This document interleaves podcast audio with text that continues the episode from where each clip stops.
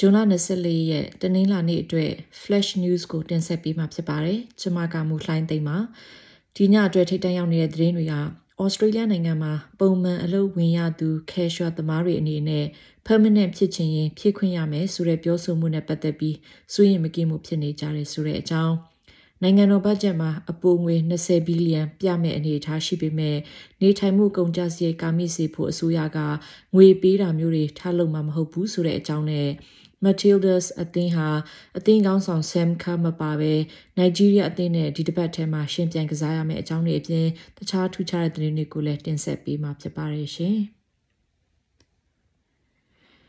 Australian Chamber of Commerce and Industry ACCI ရဲ့အဆိုအရအစိုးရကနေ casual အလုပ်အကင်ဆိုင်ရာနဲ့ပတ်သက်ပြီးဥပဒေအပြောင်းလဲလုပ်မဲ့ကိစ္စဟာအသေးစားစီးပွားရေးတွေအပေါ်ထိခိုက်နေတာနိုင်တယ်လို့ပြောပါရယ်။ ဩစတြေးလျနိုင်ငံမှာပုံမှန်အလုပ်ဝင်ရသူ casual သမားတွေအနေနဲ့ permanent ဖြစ်ချင်ရင်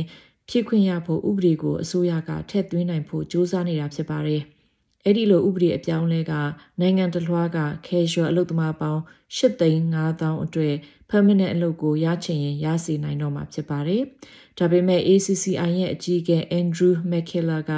ဒီလိုလှုပ်ဆောင်ချက်ဟာမလိုအပ်ပဲလှုပ်ဆောင်ရရောက်တယ်လို့အသေးစားစီးပွားရေးတွေအတွက်ပြုလည်ပြင်းလွယ်ရှိမှုကိုဖယ်ရှားပေးလိုက်ရဖြစ်စေနိုင်တယ်လို့ပြောပါတယ်။ ကျွန်တော်တို့စိုးရိမ်တာကအစိုးရရဲ့စ조사မှုကနောက်ပြန်ဆုတ်တဲ့လုပ်ရဖြစ်မှာကိုစိုးတာဖြစ်ပါတယ်။ရှိနေတဲ့တေချာမှုအဆင့်ကိုဖယ်ရှားလိုက်တယ်လို့မျိုးဖြစ်နိုင်ပါတယ်။အလုပ်အကင်အတွက်ဒါဟာကောင်းတဲ့အချက်မဖြစ်နိုင်သလိုအသေးစားလုပ်ငန်းအတွက်မကောင်းနိုင်ပါဘူး။အခုလောလောဆယ်12လအကြာအလုပ်လုပ်ပြီးတဲ့နောက်လူတွေက permanent ပြောင်းနိုင်ခြင်းပြောင်းချင်ရင်ပြောင်းနိုင်တဲ့စနစ်ရှိပါတယ်ဒါကကောင်းမွန်တဲ့စနစ်ဖြစ်တယ်လို့ကျွန်တော်တို့ယုံကြည်ပြီးအလုပ်ဖြစ်နေစေပါပဲ မသေးချာမှုကိုဖြစ်စေနိုင်မဲ့အခြေခံအဆင့်ကိုပြန်သွားစရာမလိုဘူးလို့မြင်ပါတယ်အထူးသဖြင့်ဒီလိုမသေးချာမှုတွေကလက်ရှိမှာရှိနေတဲ့ယာထောင်နဲ့ချီတဲ့အသေးစားစီးပွားရေးလုပ်ငန်းတွေကိုမသေးချာမှုတွေဖြစ်စေနိုင်တဲ့အတွက်ဖြစ်တယ်လို့ပြောသွားခဲ့ပါတယ်တစ်ဖက်မှာတော့ Australian Council of Trade Unions ACTU ကအစိုးရရဲ့အစီအစဉ်ကိုကြိုဆိုလိုက်ပါတယ်။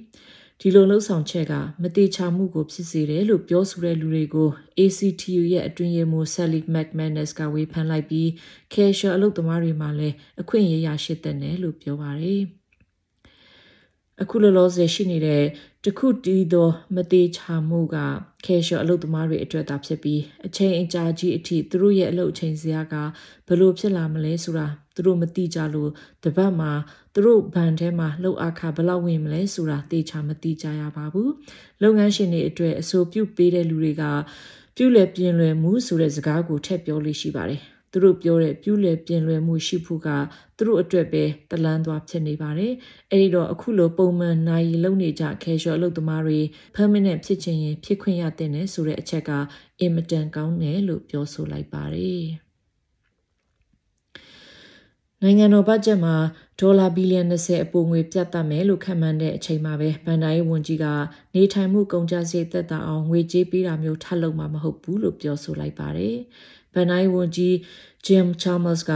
2020နဲ့2023ခုနှစ်ဗန်နာရေးနှစ်တုန်းက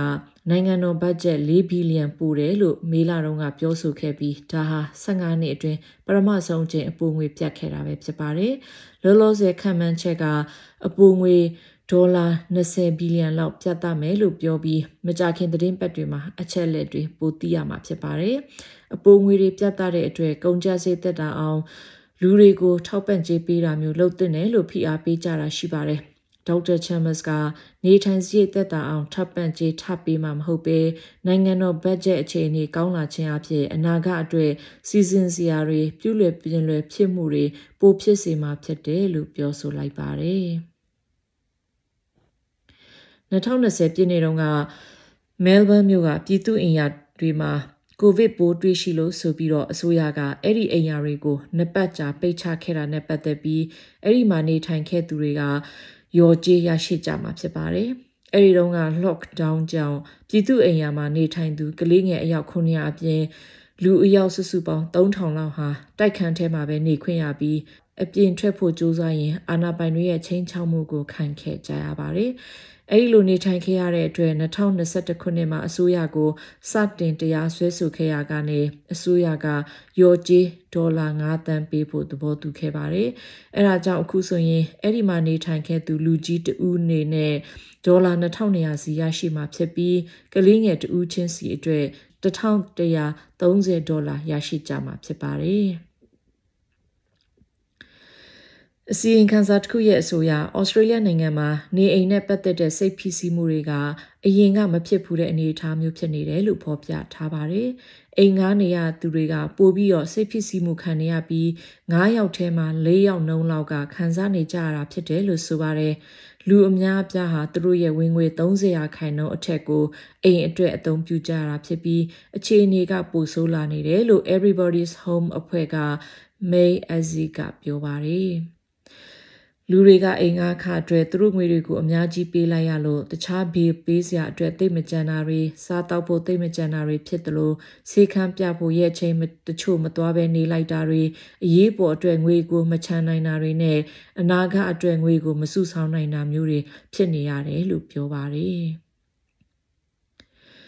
တရုတ်နိုင်ငံအရှေ့မြောက်ပိုင်း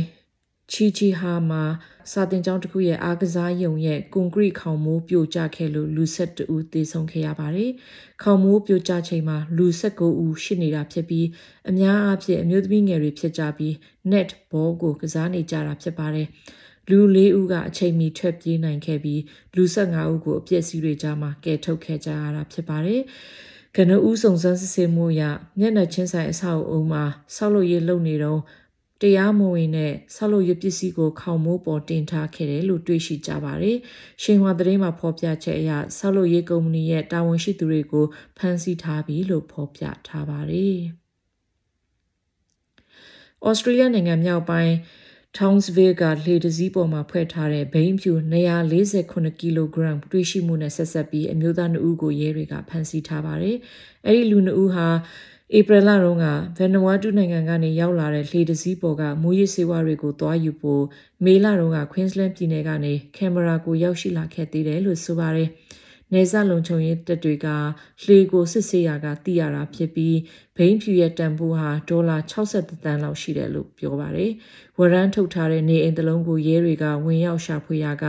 ဒေါ်လာ2,900ကိုတွေ့ရှိပြီးအဲ့ဒီမှာနေထိုင်သူအမျိုးသား2ဦးကိုဖမ်းဆီးပြီးအရေးယူထားတယ်လို့ပြောပါတယ်။ FIFA ကမ္ဘာဖလားဘောလုံးပွဲမှာတော့ Matildas အသင်းဟာ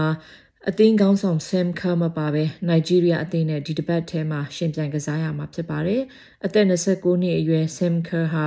လေ့ကျင့်နေတုန်းခြေထောက်မှာဒဏ်ရာရသွားလို့ကမ္ဘာဖလားဖွင့်ပွဲနေ့မှာမကစားနိုင်ခဲ့သလိုဒီကြာသပတေးနေ့ကျရင်ကန်တဲ့ပွဲမှာလည်းကစားနိုင်အောင်မှာမဟုတ်ပါဘူး။လကုံကျရင် ကနေဒါနိုင်ငံအသင်းနဲ့ရှင်ပြိုင်တဲ့အခါ Sam Kerr ကပြန်ကစားနိုင်ဖို့မျှော်လင့်မိတယ်လို့အလဲတန်းကစားသမား Kaya Cooney Cross ကပြောဆိုလိုက်ပြီးဒါသူသူမကစားနိုင်ရင်လည်းအသင်းအနေနဲ့အကောင်းဆုံးဖြစ်အောင်ပြင်ဆင်ထားတယ်လို့ပြောပါရယ်။ Sam အနေနဲ့သူမပြန်သက်သာလာဖို့အာရုံစိုက်နေရမှာဖြစ်ပြီးအသင်းသားတွေကတော့နိုင်ဂျီးရီးယားကိုသာအနိုင်ရဖို့အာရုံစိုက်ထားကြတယ်လို့ပြောဆိုလိုက်ပါတယ်ရှင်။